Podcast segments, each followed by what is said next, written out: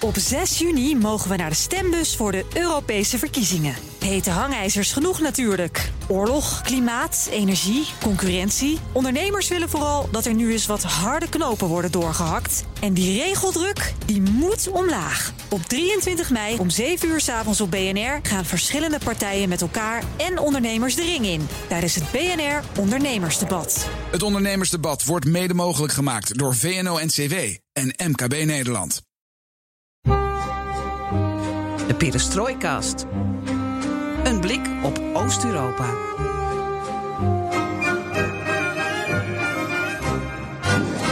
Welkom bij BNR Perestrooikast. En wat lekker om dat eindelijk te kunnen zeggen. De eerste aflevering van de enige podcast van Nederland... die een volledige blik op het oosten geeft. Van Riga tot Vladivostok en van Moermansk tot aan Tbilisi. Eigenlijk kan alles ten oosten van Duitsland. De komende weken, de komende maanden, de komende jaren... besproken worden in deze podcast. En wat leuk is, is dat wij heel sociaal zijn... en dat je ideeën kunt inbrengen via Twitter... BNR Perestrooikast of mail ons op perestrooikast.bnr.nl.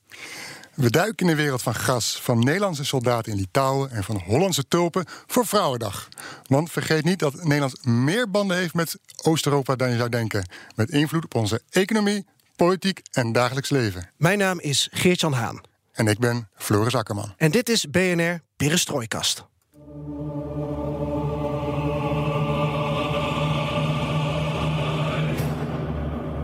Ja, misschien goed om uh, deze eerste aflevering uh, onszelf maar even voor te stellen, Floris. Ja, lijkt me goed, uh, goed plan, Geert-Jan. Jij als presentator van BNR, Perestrooikast, zelfbenoemd talenwonder... met Russisch, Pools, Oekraïens en Wit-Russisch in je hoofd. Dat laatste heb ik nooit beweerd. Uh, maar ja, die talen lijken allemaal op elkaar, dus dan kun je Wit-Russisch ook wel. Oekraïne, correspondent tijdens het voor Oranje volledig falikant mislukte EK in 2012. Uh, later zag je de Oekraïnse revolutie van 2014 van dichtbij. Je bent ook thuis in verder gelegen voormalige Sovjetlanden als Kazachstan, Kirgizië en Oezbekistan. Waar niet eigenlijk. Hm. En tot slot, Geert-Jan, je had je studietijd in Sint-Petersburg en een zomercursus in Warschau. Dat zijn je hoogtepunten, vooral qua alcoholgebruik, heb ik begrepen. Nou, mooie introductie. Zitten zeker kernen van waarheid uh, in. Uh, nou, en naast mij dus uh, kameraad Floris, vaste duider van deze podcast, wilde ooit Gorbachev een brief schrijven, maar zag daar vanaf, waarschijnlijk vanwege die wijnvlek, belandde toch in het Kremlin als Rusland-correspondent en je reisde dat hele immense land door. Keerde in 2013 vanuit moeder Rusland Rusland toch terug. Maar je kan je liefde voor Rusland en omstreken niet loslaten. En je bent sindsdien een razende reporter die heen en weer hopt van Nederland naar Oost-Europa en weer terug. Ja, en eindelijk werken we samen, Geert-Jan. Uh, een kleine droom die uitkomt. In 2014 zaten we samen in een appartement in Donetsk. Uh, buiten waren allemaal schermutselingen. Protesten vonden er plaats van kampen voor Kiev en tegen Kiev, voor Rusland en tegen Rusland. Ja. Toen zei ik, Geert-Jan, we moeten hier in Donetsk, in Oost-Oekraïne, een persbureau beginnen, samen. Bureau Donetsk? Zoiets, ja. Klinkt als een klok eigenlijk. Dan zouden we binnenlopen. En ja, eigenlijk Oost-Oekraïne stond vanaf dat moment een jaar lang volop in het nieuws. Uh, maar ja, wat deden we? We luisterden keurig naar moeder de vrouw, gingen terug naar Nederland. maar nu zijn we nog alsnog terug met onze eigen podcast. En ja, ik verheug me enorm op om dat samen met jou te doen. Nou, als uh, goed presentator uh, van deze BNR Perestrooikast... Uh, probeer ik dan maar eens de inhoud erbij te pakken. En dan gaan we beginnen. Tijd om op pad te gaan door Oost-Europa.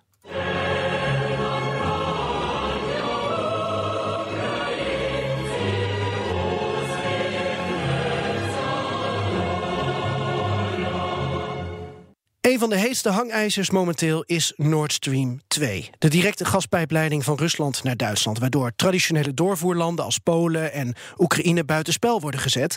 Die landen lopen daardoor geld mis en ze staan er alleen voor tegenover Rusland.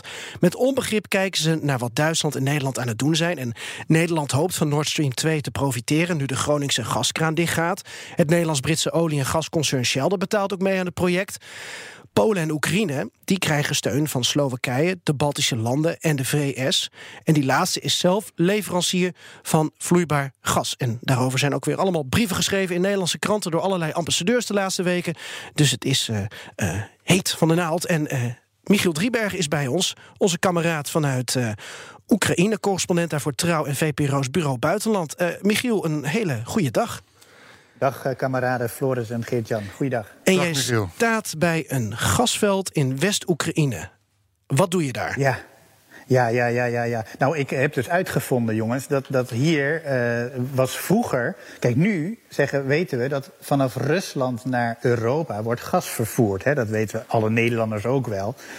Uh, en dat gaat door Oekraïne heen. Maar vroeger was het andersom. Hier in het westen van Oekraïne, dus nabij de uh, grens van uh, de Europese Unie, daar was een groot gasveld. En vanuit hier werden pijpleidingen aangelegd richting het oosten. Jawel, richting Moskou.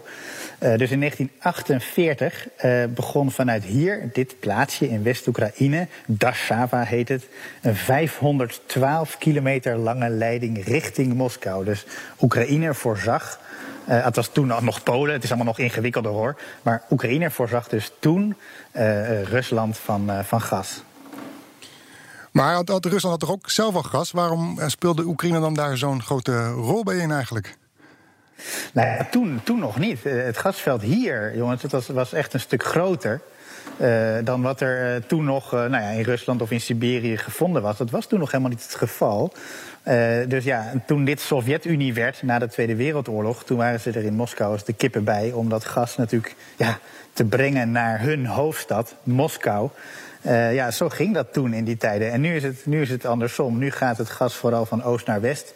Maar toen dus vooral van het westen van de toenmalige Sovjet-Unie naar het, naar het oosten toe. Ja.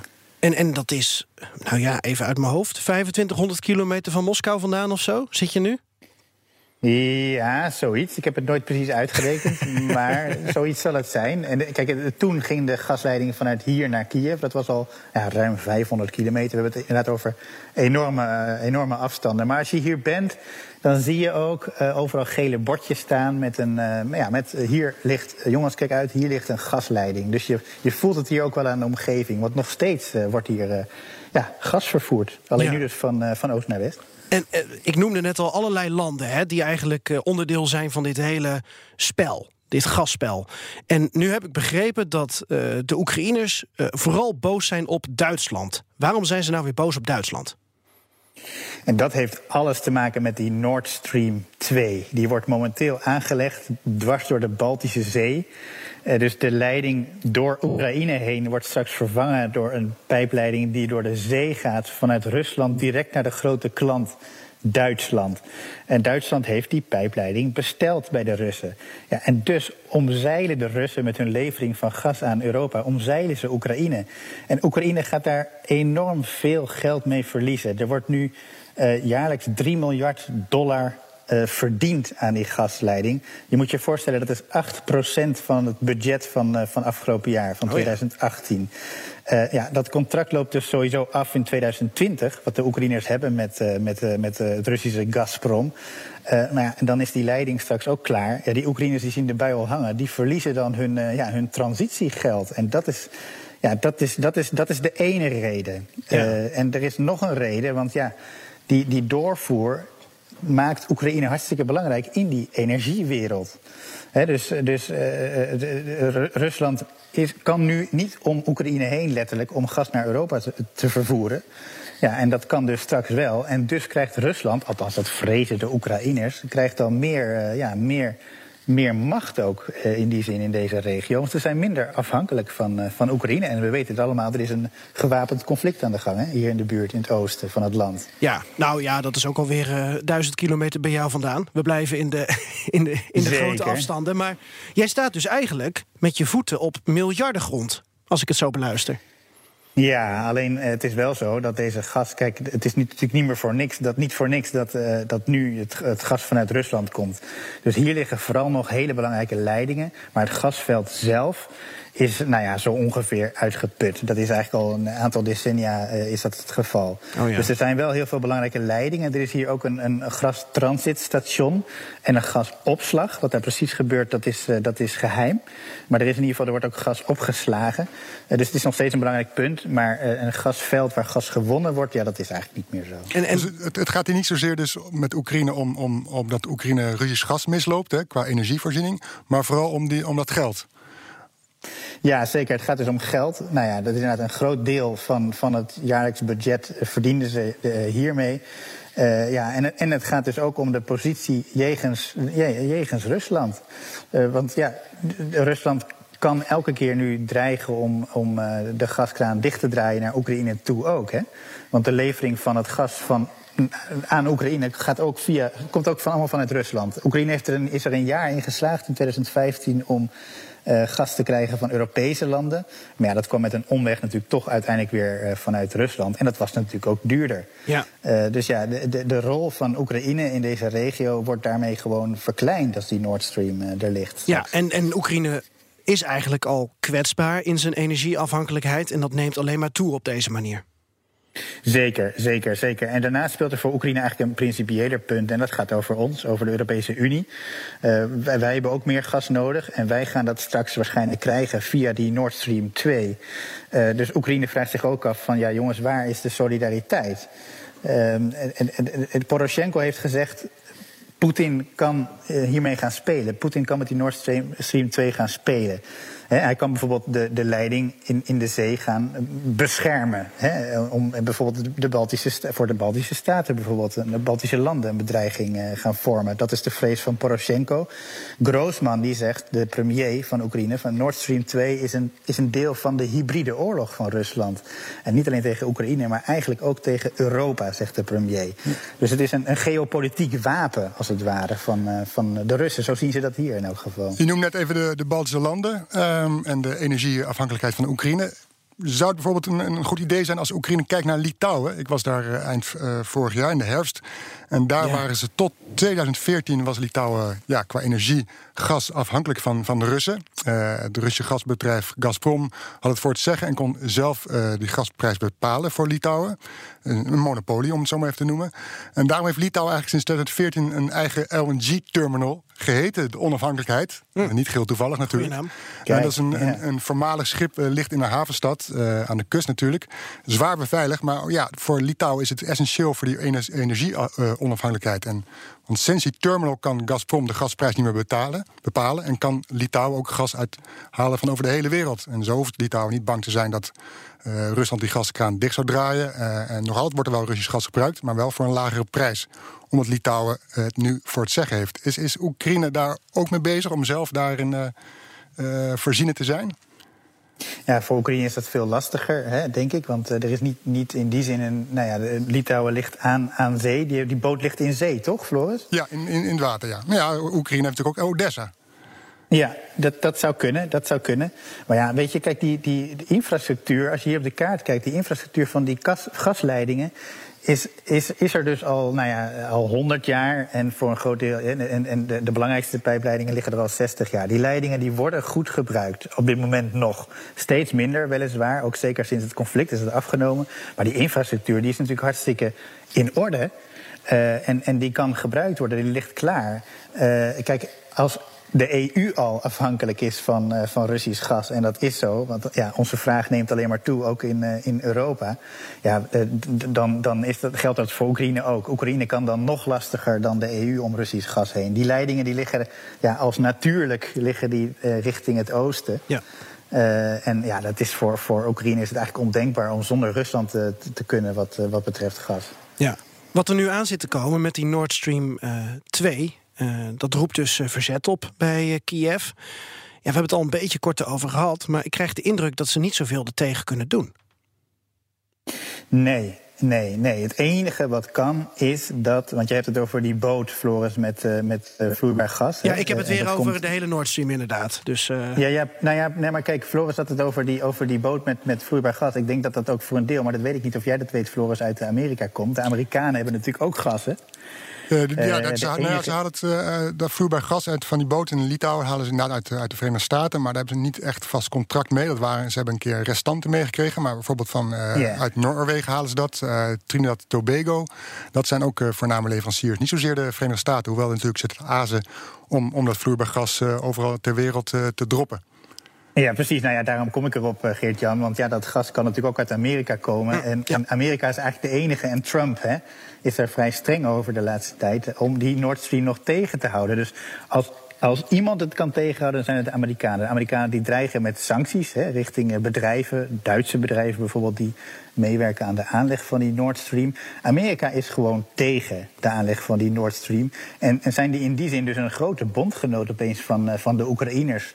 Alleen ja, Heiko Maas, de minister van Buitenlandse Zaken van Duitsland, heeft al gezegd van nou, de Amerikanen bepalen ons beleid hier niet in Europa qua energiepolitiek. Dat doen wij zelf. Dus ja, het, het, lijkt mij dat het moeilijk te stoppen is. En sterker nog, het ding wordt uh, aangelegd. Ik geloof dat een derde al is aangelegd. Ja, een uh, Duitse ingenieur die heeft toevallig uh, tegen radiostation Deutschlandfunk, wie luistert er niet naar, heeft gezegd Mhm. dat eind dit jaar dan, dan kan die al worden opgeleverd, die hele Nord Stream 2. Lijkt mij heel snel, maar het geeft wel aan hoe acuut de situatie is voor Oekraïne. Ja, daarom. En uh, ik sprak net uh, een, een, man die, die directeur was geweest bij een, een afdeling van het grote uh, staatsgasbedrijf. En die zei, want ik vroeg hem van Merkel heeft gezegd dat Oekraïne de rol van gaslever of gastransporter deels zal behouden. Ja, hij gelooft helemaal Merkel niet. Zei van, ja, als, als, als er handtekeningen op papier staan, als er een harde deal is, dan geloof ik dat pas. Maar vooralsnog zijn dat eigenlijk alleen maar woorden. Dus ja, hij vreest dat slechts 10% straks van die enorme leiding nog gebruikt zal gaan worden. En ja, ja dat betekent gewoon dat het ding niet meer uh, rendabel is. En dat er heel erg veel mensen ook werkloos gaan worden. Er werken 80.000 mensen in Oekraïne aan die gasinfrastructuur. Uh, ja, die, die leiding wordt gewoon, uh, die, die levert niet meer op wat hij wat die, zou moeten doen. Ja, zo is de vooruitgang ook, hè, Michiel? Zo is de vooruitgang, ja, dat is, uh, dat, dat is waar. Uh, wat, deze man ook zei uh, vanochtend tegen me: van ja, als je ooit een gasveld hebt gehad en je hebt het, met, je hebt het snel leeggehaald. en je hebt het gas overal voor kunnen gebruiken. Ja, als het op is, dan is het op. En moet je het ergens anders van halen. En dat betekent ook dat de macht verschuift. Hè. Dat hebben wij natuurlijk in Nederland ook. Ons gas, uh, ja, daar gaan we ook mee stoppen. Ja. Wij moeten dus ook uh, naar andere opties uh, zoeken. Ja. Dus eigenlijk is Oekraïne opnieuw een speelbal van allerlei andere landen, ook in deze kwestie. Nou ja, inherent aan de ligging, hè, jongens. Zo in het, in het midden van Europa, tussen die grote grootmachten. Nou, Djakoju. Michiel Driebergen. En uh, veel plezier nog op je gasveld daar in het westen van Oekraïne. En uh, Michiel is uh, correspondent voor Trouw en VPRO's Bureau Buitenland. En we gaan je vaker spreken, hè Michiel? Leuk dat je erbij was deze eerste keer. Doe dat, Jacoje. Succes, ben benieuwd. Oké, okay, tot Dankjewel. later. Hey Floris, we gaan door. En wat ik je nu ga vragen is eigenlijk gelijk buiten het draaiboek om. Um, de afgelopen weken is er veel te doen over het ontwapeningsverdrag tussen Rusland en de Verenigde Staten. We zagen Washington uit dat verdrag stappen. En toen zag Moskou er ook geen hel meer in. Ga ik gewoon even aan jou een simpele vraag stellen. Wat nu? Uh, ja, wat nu? Vrouwen en kinderen eerst. Jij bent duider hè, van deze oh ja, dus dan moet je wel even uh, de mensen een beetje bijpraten uh, over jouw visie erop. Ja, mijn visie. Ehm, ik zou zeggen, ehm, ik had afgelopen week had ik Geert-Jan Knoops aan, het, aan de telefoon voor een item bij BNR. En die zei van ja, we moeten eerst ook maar eens bewijs zien van de Amerikanen of de Russen inderdaad dat verdrag schenden. -huh. Hij stelde voor, en dat lijkt me ook een goed plan, stuur wapeninspecteurs naar Rusland om te kijken wat voor uh, raketten ze daar maken. En dan heeft Rusland niks te verbergen. En dan weten wij ook uh, waar de wereld aan toe is. Hm. Heb je nog een beetje gekeken naar hoe ze in uh, andere landen in Centraal- en Oost-Europa eigenlijk hierover denken nu? Over het afschaffen van dit ontwapeningsverdrag? Ja, ik heb een klein rondje media gedaan. Gekeken naar Oekraïne, Litouwen en Wit-Rusland. de Oekraïnskija Pravda schrijft dat ja, Kiev eigenlijk de dood van het verdrag vooral probeert te negeren. Um, de minister van Buitenlandse Zaken zegt de VS te steunen. Want ja, Kiev is eigenlijk op elk punt, uh, waar het ook of het nou gaat over gas of over wapens, uh, verdragen, kernraketten. Op elk punt is Kiev voor harde druk, voor elke vorm van harde druk op Moskou. Dus ook in dit geval uh, staan ze volledig achter de Verenigde Staten en, en zien ze ook dat. Uh, Rusland zich niet houdt aan het verdrag. Dan even kijken naar de Baltische landen. Die liggen natuurlijk om de hoek. En altijd een beetje bevreesd dat Rusland daar uh, binnenkomt vallen als het zou gebeuren. Um, NAVO-land Litouwen staat volledig achter het uh, verdrag, achter het Amerikaanse vertrek uit het kernwapenverdrag. Schreef de Litouwse minister van Buitenlandse Zaken op zijn Twitter-account. Um, we gaan nog iets zuidelijker, Wit-Rusland. Vaak gezien als een bondgenoot van Moskou, maar ook een land dat balanceert tussen Oost en West. Als een soort van mediator. Beetje buffer. Ja, uh, daar stellen ze zich, proberen ze eigenlijk misschien van zoveel uh, ja, kanten de voordelen te plukken. Um, ook nu stellen ze zich een uh, soort van neutraal op. Moskou, of Minsk, de hoofdstad van Wit-Rusland, niet Moskou, is bezorgd over een nieuwe. Ja, ja, ja. Verontschuldig ik me. Minsk is bezorgd over die nieuwe bezorgd dat er eventueel een nieuwe wapenwetloop komt. En roept de VS en ook Rusland op hun verantwoordelijkheid te nemen. Eh, net als ze 30 jaar geleden hebben gedaan bij de ondertekening van dat INF-verdrag. Ja, we weten dat er eh, Amerikaanse raketbases zijn in eh, Roemenië en Polen. En volgens mij is er ook nog een radarsysteem in Tsjechië. En de Amerikanen claimen dat die bases niet per se tegen de Russen zijn. Maar dat is wel hoe de Russen die dreiging dan deels interpreteren. Het is daarom tijd om de lijn met het volgende land open te gooien.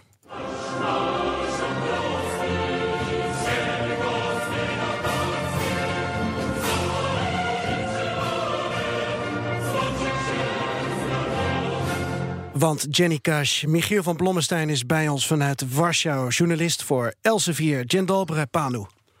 Goedemorgen. Zo, Michiel, we gaan het straks met je over iets heel anders hebben. Namelijk de brexit en de opvallende rol die Polen daarin speelt. Maar toch die INF-ontwikkelingen. Ja. toen we wisten dat jij eh, tijd voor ons wilde vrijmaken... wilden we toch even aan je vragen of je de reacties hebt kunnen peilen... onder de Poolse bevolking. Want dit is niet niks natuurlijk.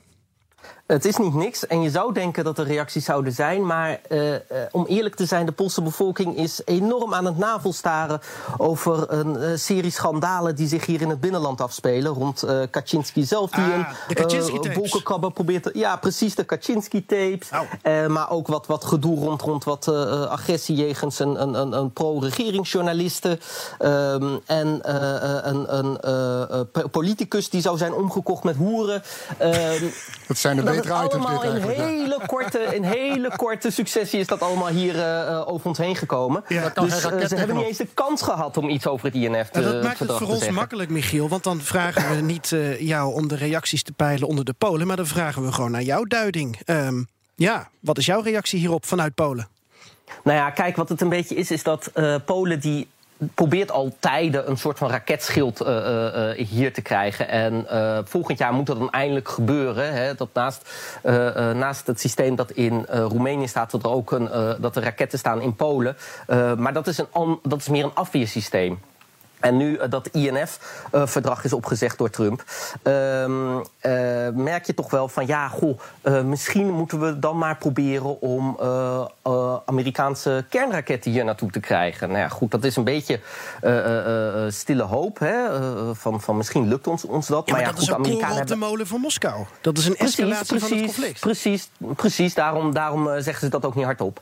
Maar ehm, eh, die stille hoop is er natuurlijk wel. Eh, wat het een beetje is, is dat eh, nou ja, goed, de Amerikanen die hebben, daar, ja, die zijn, die hebben daar geen haast mee, sowieso.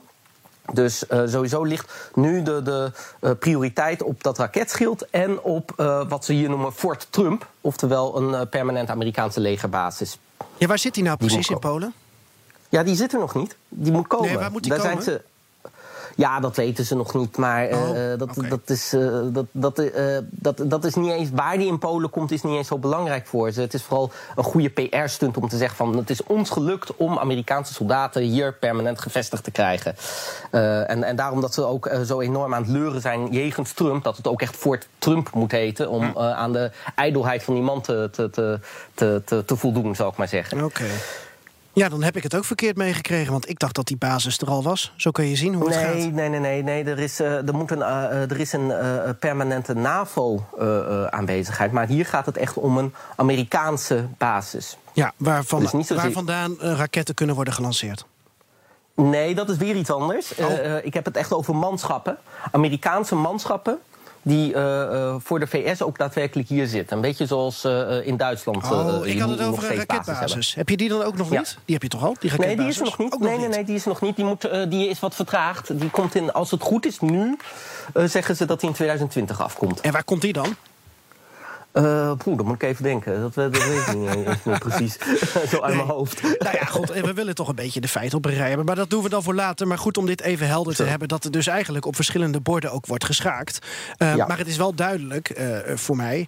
eh, en voor Floris ongetwijfeld ook. Die houdt zich een beetje stil. Maar je bent er nog bij, hè, Floris? Jazeker, ik zoek even contact met Moskou. Oké, doe maar even. Ehm, nee, kijk, eh, eh, Polen kan dus wel een cruciale rol gaan spelen in dit conflict. Zowel als het gaat om escaleren als deescaleren. Nou ja, goed. Uh, Polen die, uh, is vooral, probeert vooral om in de goede, ja, ik zal maar zeggen, in, in, in, in de goede kaarten van, van, Rus, van, sorry, van de VS en natuurlijk van Groot-Brittannië te blijven. Mhm. juist op dat defensiegebied. Ja, ja. Dus ja. Oké, nou, eh, dit blijven we volgen, want het gaat nog een kleine zes maanden duren voordat het verdrag uh, daadwerkelijk dan is stopgezet. Hè. Er zat een opzegtermijn op van zes maanden. En tot die tijd volgen we ontwikkelingen en zeker van de zomer zullen we het uitgebreid weer over de eventuele gevolgen hebben van dit doodverklaarde ontwapeningsverdrag. Michiel, we hebben een lijn met jou in Warschau gelegd omdat we gefascineerd zijn door iets anders. Namelijk door de Poolse rol in de hele Brexit-saga. En wat ons extra opvalt is de rol van Daniel Kawczynski, lid van het Britse parlement, maar geboren in jouw Warschau. En hij heeft zijn geboorteland opgeroepen om te interveneren in de Brexit als Londen het vertrek uitstelt. Ik probeer dit te begrijpen, maar het lukt me niet. Dus verlos me alsjeblieft. Nou ja, wat het een beetje is, is dat, kijk, we hebben natuurlijk uh, die hele soap gehad in het uh, Britse parlement uh, rond het deal met de, met, met de EU. Hè. De EU heeft, naam Barnier, die heeft gewoon een deal daar neer, neergelegd. die is geratificeerd door alle door de lidstaten. Dus dat is de deal die er ligt. Nou goed, de Britten in eerste instantie gingen mee daarmee akkoord. Hè, Theresa May, de premier. Maar het parlement deed moeilijk en, en stemde dat uiteindelijk weg. Dus nu moet May weer terug naar de Europese Unie.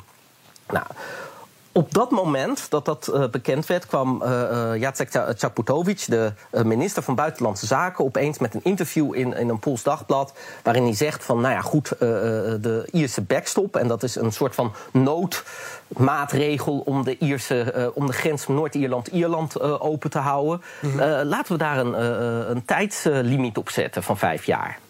het hele idee was juist dat daar geen tijdslimiet op zat. dat, dat, dat die backstop in plaats blijft totdat er een goede regeling is getroffen. Want dat gaat nog, nog heel lang duren voordat dat echt goed lukt. Want uh, er zijn allemaal uh, conflicterende uh, belangen die daar spelen. Maar die, opeens stelt hij dat zo, laat hij dat proefballonnetje op. Nou ja, goed, je kunt je voorstellen, de hardcore Brexiteers, waar Daniel Kawczynski ook toe behoort, die ruiken hun kans. Om een, een soort van toch wicht te, te brengen in, de Europee binnen de Europese rangen. Dus, dus Kawczynski die komt ook geloof hè, voor het, voor het Britse parlement voor met vragen van ja, moeten we daar niet wat mee? En Nou ja, goed, vanuit Europa zelf is daar natuurlijk met de irritatie uh, op gereageerd. Want ja, een deal is een deal en, en, en, het is al en die deal die ligt er en daar gaan we niet, niet meer aan morrelen. En dan komt Chaputovic opeens met zoiets, waarbij die eigenlijk ook de Ieren, uh, ja, ik zal maar zeggen, om het maar op, in, in goed Engels te zeggen, onder de bus gooit. Um, dus, dus, dus, dus er, is, er is wat hommeles op dat punt. Ik probeer nu even te interveneren, Michiel, want ik probeer, ja. probeer dit te volgen. Maar um, uh, even naar die, die Kavczynski. Hè, want die heeft dus, ook al is hij volgens mij op zijn zevende al naar uh, Groot-Brittannië verhuisd. Die uh-huh. heeft dus duidelijk een lijntje met de Poolse politiek. Ja, uh, hij, is, uh, hij is zelfs volgens mij de, uh, de officiële uh, of de voorzitter van een commissie binnen het Britse parlement die de banden met Polen onderhoudt. Okay. Dus hij heeft zich daar al eigenlijk vanaf het begin af aan heeft hij dat lijntje, of eigenlijk zijn roots, heeft hij eigenlijk al aangewend om daar om daar uh, invloed in te hebben. Dus hij heeft ook open lijntjes met Warschau. Hij, hij, spreekt ook regelmatig voor de Brits-Poolse Kamer van Koophandel. En hij, hij, hij is iemand die die banden ook actief onderhoudt. En hij komt met name op voor de belangen van de Poolse immigranten, arbeidsmigranten in Groot-Brittannië? Nee, nee, nee, nee, nee. Hij komt met name op voor, ik zal maar zeggen, uh, uh, wat, wat de Brexiteers willen. Hij wil Groot-Brittannië weg hebben van Brexit. Of weg hebben van, van de EU, sorry. En um, hij, heeft, hij is, uh, zoals ik al zei, hij is een hardline Brexiteer mm -hmm. eigenlijk. Um, en um, ja, eigenlijk wat hij probeert is uh, Polen aan de ene kant een beetje te paaien. Van ja, jullie zijn onze vrienden. En, en dat hele gebeuren met, uh, met de rechtsstaat in jullie land, dat, hè, dat, dat, dat, dat, dat, daar mag niemand zich verder mee bemoeien. Dat doen jullie prima. Dus dat doet hij aan de ene kant. Aan de andere kant heeft hij een soort van stok om mee te slaan. Waarmee hij zegt van kijk, je moet wel bedenken, Polen op het moment dat wij. Uh, um, geen goede deal kunnen krijgen met de, met de EU, uh, een, een, deal die voor ons uh, acceptabel is, ons Brexiteers, uh, dan gaan al die arbeidsmigranten in, in, in Groot-Brittannië, die, die worden haasjes. Hoeveel zijn dat er ongeveer? Zijn er schattingen van? Nou, officieel zijn het er ongeveer 1 miljoen. Maar dan heb je het over mensen die uh, ja, permanent tot semi-permanent in, in Groot-Brittannië gevestigd zijn. Ja. Als je ook nog eens de mensen neemt die ja, op, voor, voor seizoensarbeid daar naartoe gaan. Of uh, uh, in Polen ingeschreven blijven en tijdelijk naar Groot-Brittannië gaan om, om daar te werken. Nou, dan zijn er nog veel meer. Maar die zit hij als harde brexiteer dus hartstikke dwars. Ja, die zit hij hartstikke dwars. nou ja, wie hij eigenlijk dwars zit, dat zijn de mensen die niet plannen hebben om naar Groot-Brittannië te gaan om te werken. En dat zijn er nog best veel hoor, want het blijft een hele interessante markt natuurlijk voor, voor Poolse, uh, voor Poolse uh, arbeiders. Uh, hoge lonen relatief. Hè, en er is werk, er is veel werk. en ze zijn broodnodig, stiekem. Maar um, wat hij eigenlijk doet, is vooral hij gebruikt ze als een soort van, van wisselgeld. Hm. Jij zei dat uh, de Poolse immigranten die nu in Groot-Brittannië zijn zitten, die worden zometeen met de Brexit uh, het, het, haasje. hoe bedoel je dat precies? Wat, wat kunnen. Nou, ik bedoel meer te zeggen van de mensen die nu in Polen zitten en eventueel in Groot-Brittannië willen werken in de toekomst. Seizoenswerkers. Ja, precies. Seizoenswerkers, maar ook mensen die ja, eigenlijk nu nog hier zitten en plannen hebben om zich semi-permanent tot permanent te vestigen in Groot-Brittannië. Die zijn, uh, zullen vooral het haasje zijn. De mensen die daar al zitten. Nou ja, goed, uh, Theresa May, de premier, die heeft al zo vaak gezegd van, van dat we. Uh, de mensen die hier nu al zitten, die laten we verder met rust. Die mogen verder hier blijven werken. En ook ondernemers, want er zijn ook tienduizenden. Poolse bedrijven actief in, in, in, in Groot-Brittannië. Ja, die laten we ook verder met rust. Al is daar nog geen ik zou maar zeggen, uh, niks concreets voor. Het is, het, is, het is een soort van vage belofte die verder niet is ingevuld. Ja. Hey, die uh, Kavczynski, dat is wel een figuur. Want ik uh, zat me een klein beetje in te lezen. En ik lees, die kerel is 2 meter 5. Grootste parlementariër ooit in Groot-Brittannië. Ja, dan haal je de lijstjes ermee. Tweede biseksueel die ooit in het parlement heeft gezeten. Heel belangrijk blijkbaar. Nou ja, god, statistieken. Ehm, hij is adviseur van Cameron geweest. Wat betreft de Centraal- en Oost-Europese diaspora. hij geeft regelmatig interviews die voor controverse zorgen. laatst weer hing hij de telefoon op tijdens een interview... Uh, omdat hij eh, beweerde dat, uh, wat was het, uh, Engeland niet aan het Marshallplan... Engeland geen Marshallhulp had gekregen. Ja, is, Warschau neemt hem dus serieus. Um, Warschau neemt hem in, zo, zo, in dusverre uh, serieus dat hij iemand is die uh, een direct lijntje heeft met de Britse regering. Um, hij is iemand die, uh, naar wie ze direct kunnen gaan als ze uh, een puntje hebben. Als ze iets, iets, iets willen bespreken met, Britse, met de Britse regering, dan kunnen ze direct naar hem toe. Die lijn staat altijd open. Dus in die zin neemt Warschau hem serieus. Hm. Uh, aan de andere kant. Ehm, plus dat hij natuurlijk een conservatief is. Hè. Dat, is dat, dat, dat, dat is natuurlijk ook hartstikke belangrijk voor de regering die er nu Tory? zit. Uh, prominent niet, uh, uh, maar hij is wel, ik zou maar zeggen, hij is wel een, een, een redelijk gevestigde ehm, gevestigde uh, parlementariër. Oh ja. Met dus Oost-Europa in zijn portfolio. Dus ja. uh, al die zaken, dat, dat, dat, dat, dat, kunnen gewoon bij hem uh, terecht. En, en politiek zit gewoon dicht bij elkaar. Ja. Um, maar goed, natuurlijk. Hè, Polen blijft een land waar een grote meerderheid van de bevolking nog steeds ja, vrij pro-Europees is. In de zin van dat ze in, binnen de Europese Unie willen blijven. Dus van een pol-exit is geen sprake. En Kawczynski die heeft al keer, meerdere malen ook in interviews trouwens gezegd van, nou ja, ik hoop dat mijn, uh, uh, voor, dat mijn vaderland zich ooit bekeert. Want de hele Europese Unie is natuurlijk helemaal niks volgens hem. Dus, uh, dus, dus, dus er zit wel verschil in. Plus dat Kavczynski natuurlijk regelmatig ook op Russia Today uh, verschijnt. En, en Sputnik en al die pro-Kremlin media. Ja. Uh, dat is ook iets wat, waar ze niet zo helemaal gek op zijn hier. Je ziet nu dat, dat Nederland die probeert een soort de, de, de, het gat op te vullen van, uh, van Groot-Brittannië. En neemt daarin ook uh, de Baltische landen mee in zijn, in, in zijn kielzog. Uh, ja. Hoe zit het met Polen? Zien die ook een, ja, zien die opeens ook zichzelf van hey, de Britten gaan weg. Nu kunnen wij een voorname factors gaan spelen in, in de EU? Nou, in eerste instantie is het nu uh, is het vooral zo dat ze uh, hun, hun, hun, hun, kip aan het tellen zijn. Want uh, wat is nu het geval? Wat zeg je nou? De, de, hun kippen ja, aan het tellen zijn? Ja, nou ja, goed. Ze, zijn, ze proberen nu om, om, om te redden wat er te redden valt. Ik ken het als spreekwoord helemaal niet. Spols. Ik tel mijn zegeningen, maar niet mijn kippen. Ik heet wel Haan. Ja, oké. Okay. Oké, oké. Ja, ga door. Sorry, je, je was je, je kip aan het tellen. Ja, inderdaad. Nou ja, goed. Uh, het komt erop neer dat ze, dat ze nu proberen te redden wat het redden valt. Want uh, je moet bedenken, de regering die er nu zit... die zit in het Europees Parlement met de, met de reformatoren. Met, samen ook met de SGP en, en ChristenUnie, dat soort clubs. Ehm, en de Britten zijn natuurlijk de, grootste of, de grootste groep binnen die fractie. Ehm, samen ook met Recht en Rechtvaardigheid die, die, die, die, die daar zit. En, en die fractie die valt weg. Of tenminste, die, die Britten die vallen allemaal weg. Dus dat, dat kostte gewoon heel veel zetels. Ja. Dus uh, proberen ze in ieder geval hun, hun meerder, of in ieder geval hun uh, uh, parlementaire aantallen in het Europees Parlement nog een beetje te, te, te, te redden. En dat doen ze door, door bijvoorbeeld toch, toch Orbán Hongarije te verleiden om, om die overstap te maken. Ja. Ehm, nou ja, goed, dat, daar zijn ze nog niet heel erg succesvol in trouwens. Maar uh, het, het, is, het is vooral uh, redden wat het redden valt. En, en de, um, uh, de opmerking van Chaputovic een tijdje terug van over die backstop, dat, dat moet je ook zo lezen. Eigenlijk is dat een, een capitulatie van laten we ze geven wat ze willen. Want die backstop, dat, dat willen die Brexiteers helemaal niet. Dus laten we ze geven wat ze willen.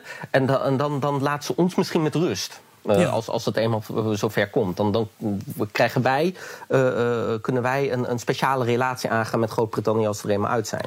Dziękuję bardzo, Michiel van Blommestein. We blijven dit volgen, want het uh, blijft vast heel interessant. Van die kippen ga ik onthouden. Ja, die kippen gaan we onthouden. Hey, dankjewel, uh, Michiel, correspondent in Polen voor Elsevier. En uh, je zal hem vaker horen in deze podcast. En dat was dus Polen. Floris, een van de vele landen die we de komende weken, maanden, jaren in deze perestrojkast gaan behandelen. Um, ja, we zijn al gigantisch over de tijd. Eigenlijk hebben we het idee om deze perestrooikast ongeveer een half uurtje uh, uh, uit te zenden. Maar waarschijnlijk wordt dit een hele lange eerste onze, aflevering. Gewoon onze enthousiasme. Ja, nou heel kort nog even gaan we de naam uitleggen. Want dat was geen eenvoudige keuze. Ja, zelf, uh, we zijn zelf enorme twijfelaars, dus we kwamen er niet uit. Uh, dus we legden aan de redacteuren van BNR voor of zij niet een naam wisten. Uh, daar kwam een ongelofelijke lijst van uit. ik noem er een aantal. Vodkast, De Kameraden met de Microfoon, Borskast, Trabant Podcast, Kalashnikast, De Matroeskast. Zo kan ik eigenlijk nog wel, wij spreken, uren doorgaan. Maar ja, je moet natuurlijk een knoop doorhakken. Konden we nog steeds niet. toen hebben we de keuze voorgelegd aan op Twitter. Ja, en daar rolde Perestrojkast als winnaar uit de bus. En uh, er zijn ook prijzen aan verbonden vanuit BNR gesponsord. De volgende aflevering moet je goed luisteren, want dan maken we bekend wie ook uh, de origineelste bijdrage heeft geleverd.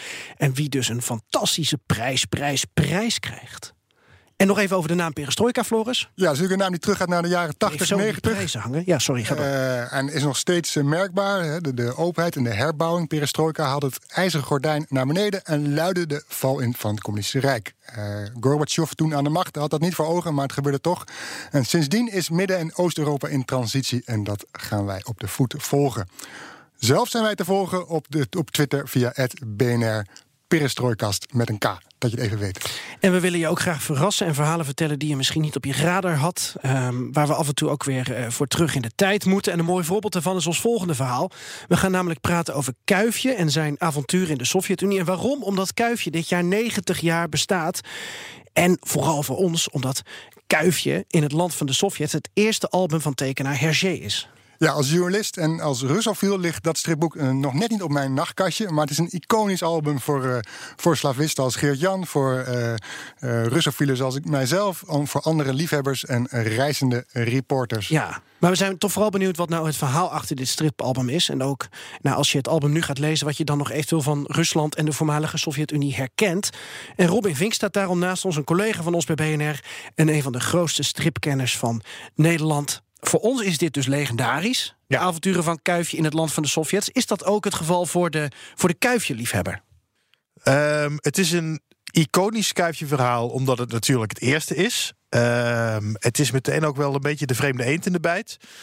En het is niet per se een heel goed verhaal. Nee. Nee, er zit geen, enkel er zit geen enkele verhaal Er zit geen in. verhaal in. Nee, het is, het is gewoon een opeenvolging van eh, rennen, vliegen, springen, slaan. Ehm, het, het, het- ja, hij had ook heel vaak. Ehm, hij had dan op woensdag zijn deadline. En dan op woensdagochtend Hergé zat hij Ja. had op woensdag zijn deadline. En dan zat hij op woensdagochtend vaak te bedenken...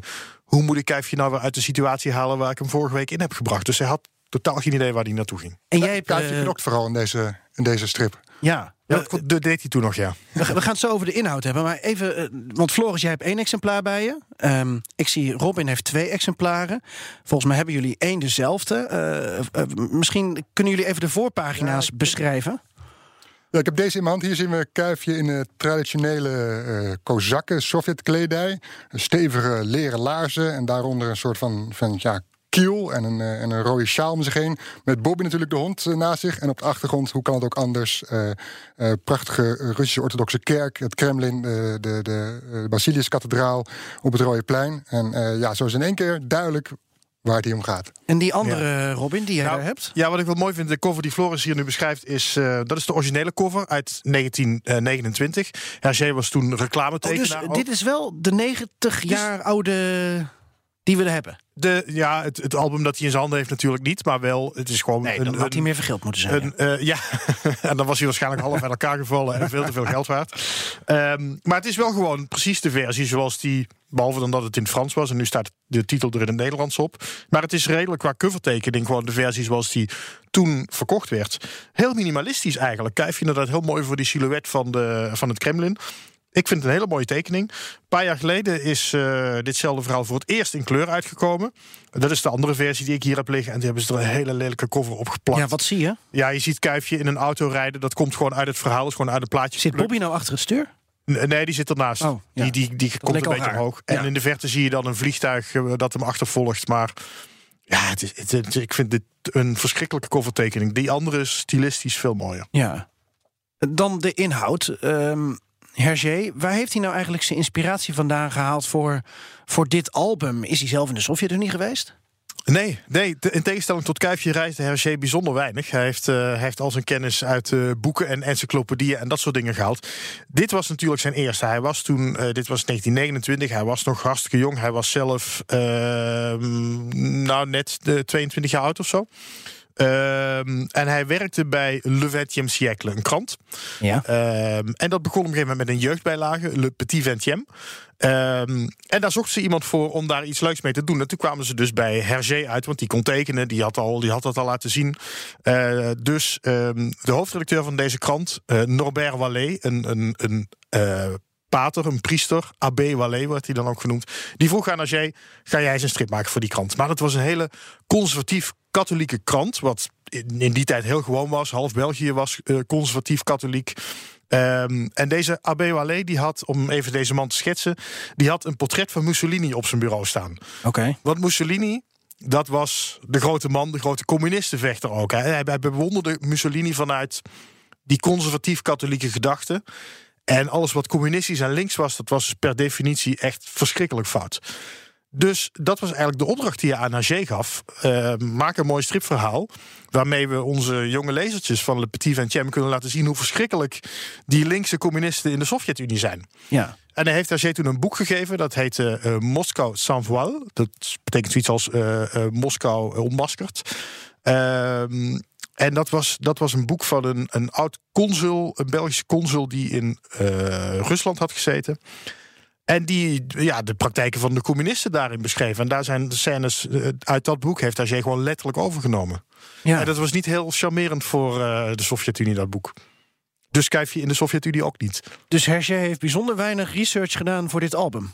Ja, in tegenstelling tot hoe die later te werk Als we het ging. hebben over Pravda, er zit weinig Pravda in misschien. Nee, helemaal niet. Nee, nee. nee dit, dit was gewoon. Hij was toen zelf nog heel jong en beïnvloedbaar en onbevangen. Hij heeft het ook altijd als een jeugdzonde gezien. Het is niet voor niks dat het nooit hertekend is. De enige in de reeks eh, die nooit hertekend is. Heeft heel lang geduurd voordat hij ook weer een keer heruitgegeven werd. Hebben ze alleen maar gedaan uiteindelijk omdat er allemaal illegale versies op de markt kwamen. En ze dachten, ja, nou laten we het dan maar gewoon in eigen hand nemen en toch een eigen versie maken. Hij is dus ook pas een paar jaar geleden ingekleurd. Niet heel mooi trouwens, maar dat terzijde. Eh, Maar je bent niet zo te spreken over de updates, Nee, hè? nee, voor die kleurenversies vind ik echt helemaal niks. Oké.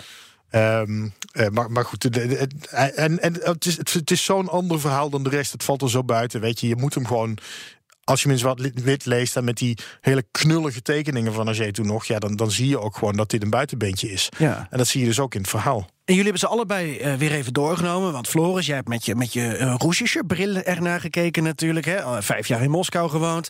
En Robin, jij een beetje met je, met je, met je stripbril, om het zo te noemen. Ja, maar dit vind ik dus heel interessant om dat soort om, om de, de tijdgeest en, en maatschappelijke ontwikkelingen naast zo'n stripverhaal te leggen.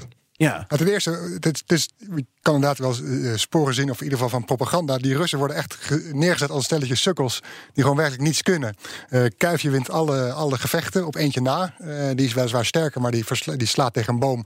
Maar die alsnog, waardoor die Rus, die Sovjet, alsnog is uitgeschakeld. Okay. een ander geluid heeft een bananenschil voor Kuifje neergelegd. Waar die uiteindelijk niet Kuifje, maar die, diegene die dat heeft neergelegd, uiteindelijk zelf over uitgeleid. Dus ze kunnen eigenlijk helemaal niets. En um, dus wat dat betreft wordt, wordt de Sovjet-Unie neergezet als, als stelletje ja, achterlijke die, uh, die niks voor elkaar Maar dan krijgen. moeten we eigenlijk gelijk aan, aan, aan Robin vragen: van ja, de, de, avonturen van Kuifje. Kuifje kan toch ook niet verliezen in zo'n album? Die moet toch altijd als winnaar uit de strijd komen? Ja, dat is waar. Tegen welk leger dan ook? Wat, wat Floris hier nu beschrijft is een beetje de slapstick, zeg maar. Um, dat in, in de, de, humor in latere Kuifje-albums is wel wat verfijnder geworden. En ook de manier waarop Kuifje dan dingen oplost. Uh, uh, wat ik heel interessant vind als je het hebt over hoe worden de Sovjets neergezet... zijn een aantal scènes die dus rechtstreeks uit dat boek komen wat ik net beschreef. Bijvoorbeeld de scène dat er een verkiezingsbijeenkomst wordt gehouden... en dat er wordt gezegd tegen de mensen die daar aanwezig zijn... en Kuifje ziet dat natuurlijk... Um, wie wil er op de communistische partij stemmen? Uh, nee, het, het, is an, het, is andersom. Het is, um, laat ik hem er gewoon even bij pakken. Wacht ik heb hem hier ook bij. Heb jij hem, Floris? Ik nou, moet even zoeken. Welke pagina ja. zitten we ongeveer? Voor de meeschrijvers thuis. Hier zie je een, een uh, kijkt naar, loopt samen met Bobby naar een vergadering, roept verkiezingspropaganda voor de Sovjets. Benieuwd hoe dat gaat. Welke pagina? Uh, pagina 35. En dan ja, zie je een, een, lokale communistische leider met een bondmuts op. En die zegt: Kameraden, we hebben drie verschillende lijsten. Eén ervan is die van de Communistische Partij. En dan staat hij op en zijn handlangers pakken hun wapens. Laat degene die tegen deze partij zijn hun hand even opsteken. Wie is er tegen? Niemand natuurlijk. Um, zo zie je ook dat ja, de Sovjet-Unie uh, was natuurlijk vanaf het begin af aan, dat gebeurde onder Lenin, toen, toen die aan de macht kwam, uh, ja, gestoeld op, op, op geweld. Uh, wie niet tegen is, die, die krijgt de kogel, of wordt uit, wie tegen is, die krijgt de kogel, of wordt uitgeschakeld. Ehm, onder Lenin was het nog in ja, wat bescheidenere mate. Later onder Stalin in de jaren 30 werd natuurlijk de grote terreur genoemd. En werd iedereen die uh, ook maar enigszins verdacht werd van anti-Sovjet praktijken, werd uh, richting Siberië gestuurd of werd omgelegd.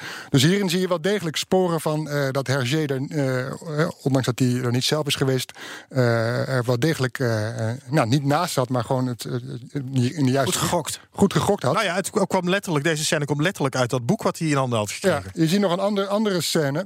Um, dan uh, zie je ook een stelletje communistische lokale leiders. Pagina nummer? Pagina nummer 81. Uh, die hebben het over tekort aan graan. En uh, dat graan willen ze uitvoeren naar het buitenland. Uh, en het is ook goed om te laten zien dat ze graan hebben.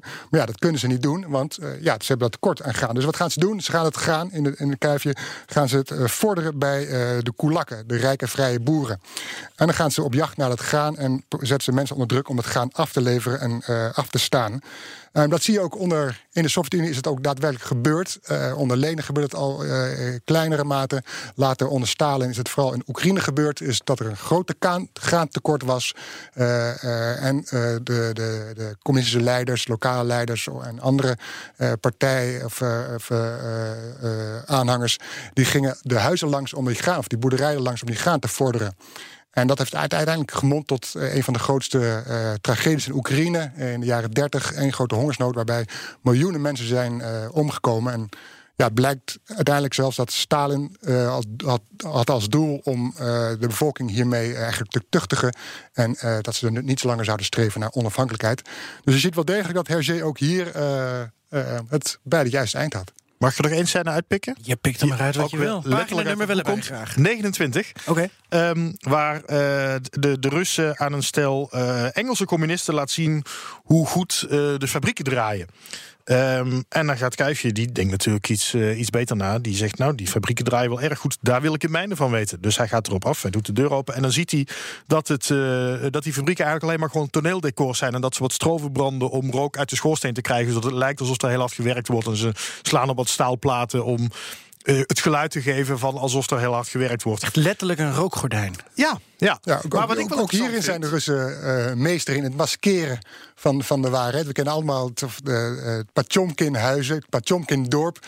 waarin eh, gedaan werd alsof er een prachtig eh, dorp werd neergezet... toen eh Catharina de Grote in, in eh, eh, 18 ja, zoveel of 18 zo. zoveel, ja, daar op bezoek kwam... eh, werd er voor haar zogenaamd een prachtig dorp... de façades althans voor haar gebouwd... om te laten zien hoe goed het land erbij stond.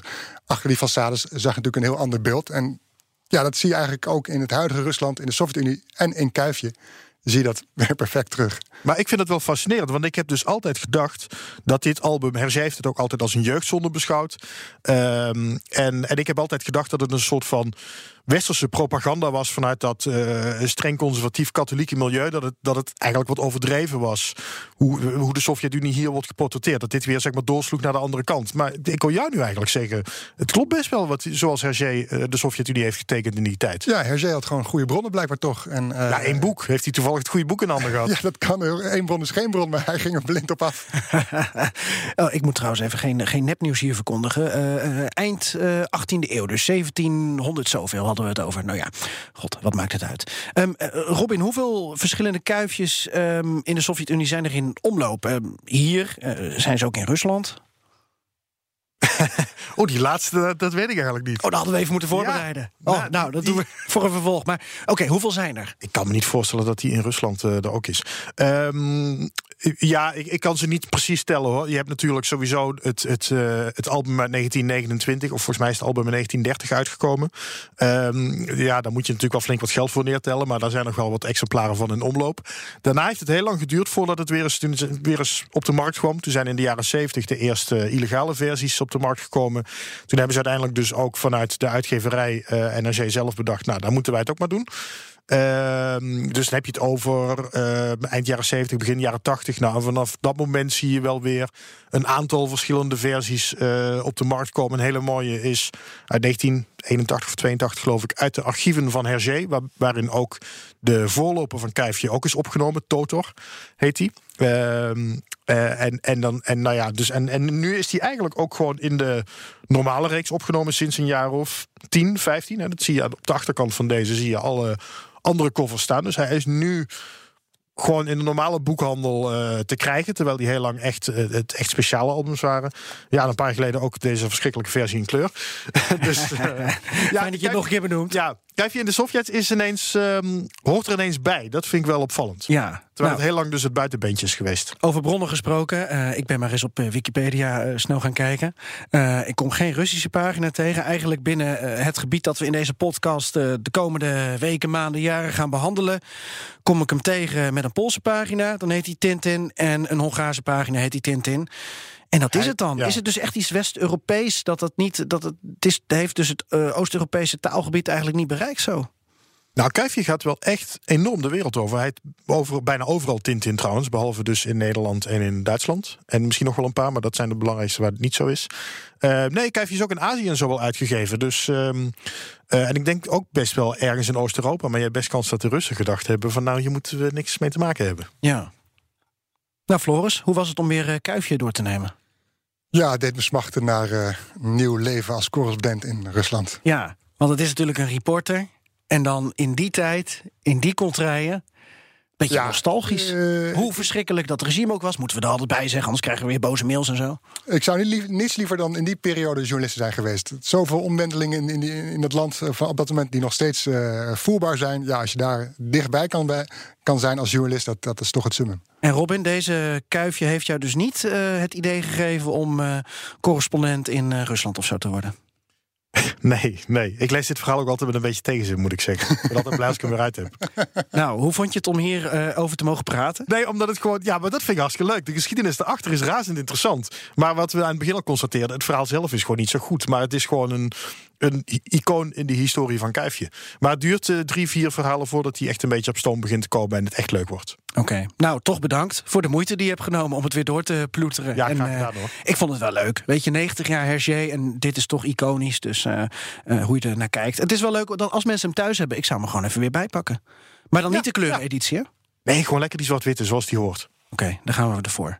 Dankjewel, uh, Robin. Dankjewel, Robin. Het laatste woord is aan onze Rusland-correspondent en goede vriend Joost Bosman. Je kent hem waarschijnlijk als uh, correspondent voor BNR, het FD, De Tijd en het AD. Of je kent hem van de Russische tv, waar hij regelmatig in talkshows verschijnt... om vervolgens voor rotte vis te worden uitgemaakt. Maar eigenlijk heeft Joost maar één doel in het leven... en dat is om de Russische humor te verspreiden. Als een soort zendeling van de Russische moppetrommel gaat Joost door het leven.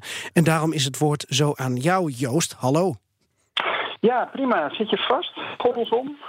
Dat je niet van je stoel valt van het lachen straks en een heup breekt of zo. Dat ik dat dan weer op mijn brood krijg.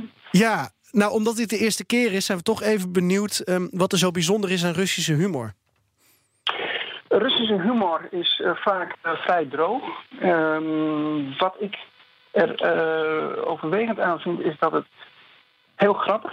Je merkt waar de grap zit. En het zijn toch nooit echte dijenkletsen. Dus daar zit het een beetje tussenin. Maar het zijn echte anekdotes, zeg maar. En dat maken ze toch wel uh, maakt ze erg leuk. En ze gaan ook vaak over het, het echte leven, zeg maar. Nou, moet eigenlijk rust zijn om ze te begrijpen, toch? Een klein beetje wel, ja. Een klein beetje wel. Als je hier een tijdje woont, dan begint dat wel te komen. Want dan word je ook een klein beetje rust natuurlijk. Maar uh, ja, wat ik zeg, het, de, de, je voelt waar de humor zit. En toch is het niet onze westerse gevoel voor humor, zeg maar. Nou, denk ik. Na lang beraad van het Centraal Comité hebben we besloten om uh, jou tot afsluiter en uh, uitsmijter van uh, de perestrooikast te bombarderen. Dus laat maar horen, Joost. Nou, daar komt hij. Uh, een Rus, laten we hem uh, of Volva noemen in het kort, uh, is op reis in Amerika. Hij is daar een beetje vakantie aan het houden en hij loopt in Los Angeles een bar binnen. En raakt er aan de praat met een, een Amerikaan van zijn eigen leeftijd. Nou, deze Amerikaan die zegt tegen Volva dat ik nou toch heb gehoord dat er bij jullie in, in, Siberië de beren gewoon los op de weg lopen. Waarop Volva in woede ontsteekt en zegt dat is westerse propaganda. Dat zijn vuile leugens. Want bij ons in Siberië hebben ze überhaupt geen wegen. Ja, ja, ja, ik snap hem, ik snap hem, ik snap hem, ik snap hem. Ik uh, snapte hem ook een beetje. Dankjewel Joost voor jouw uh, mop, voor jouw bijdrage. Tot de volgende blik op Oost-Europa. Tot een volgende perestrooikast of zoals buurman en buurman in goed Tsjechisch zeiden, ajeto.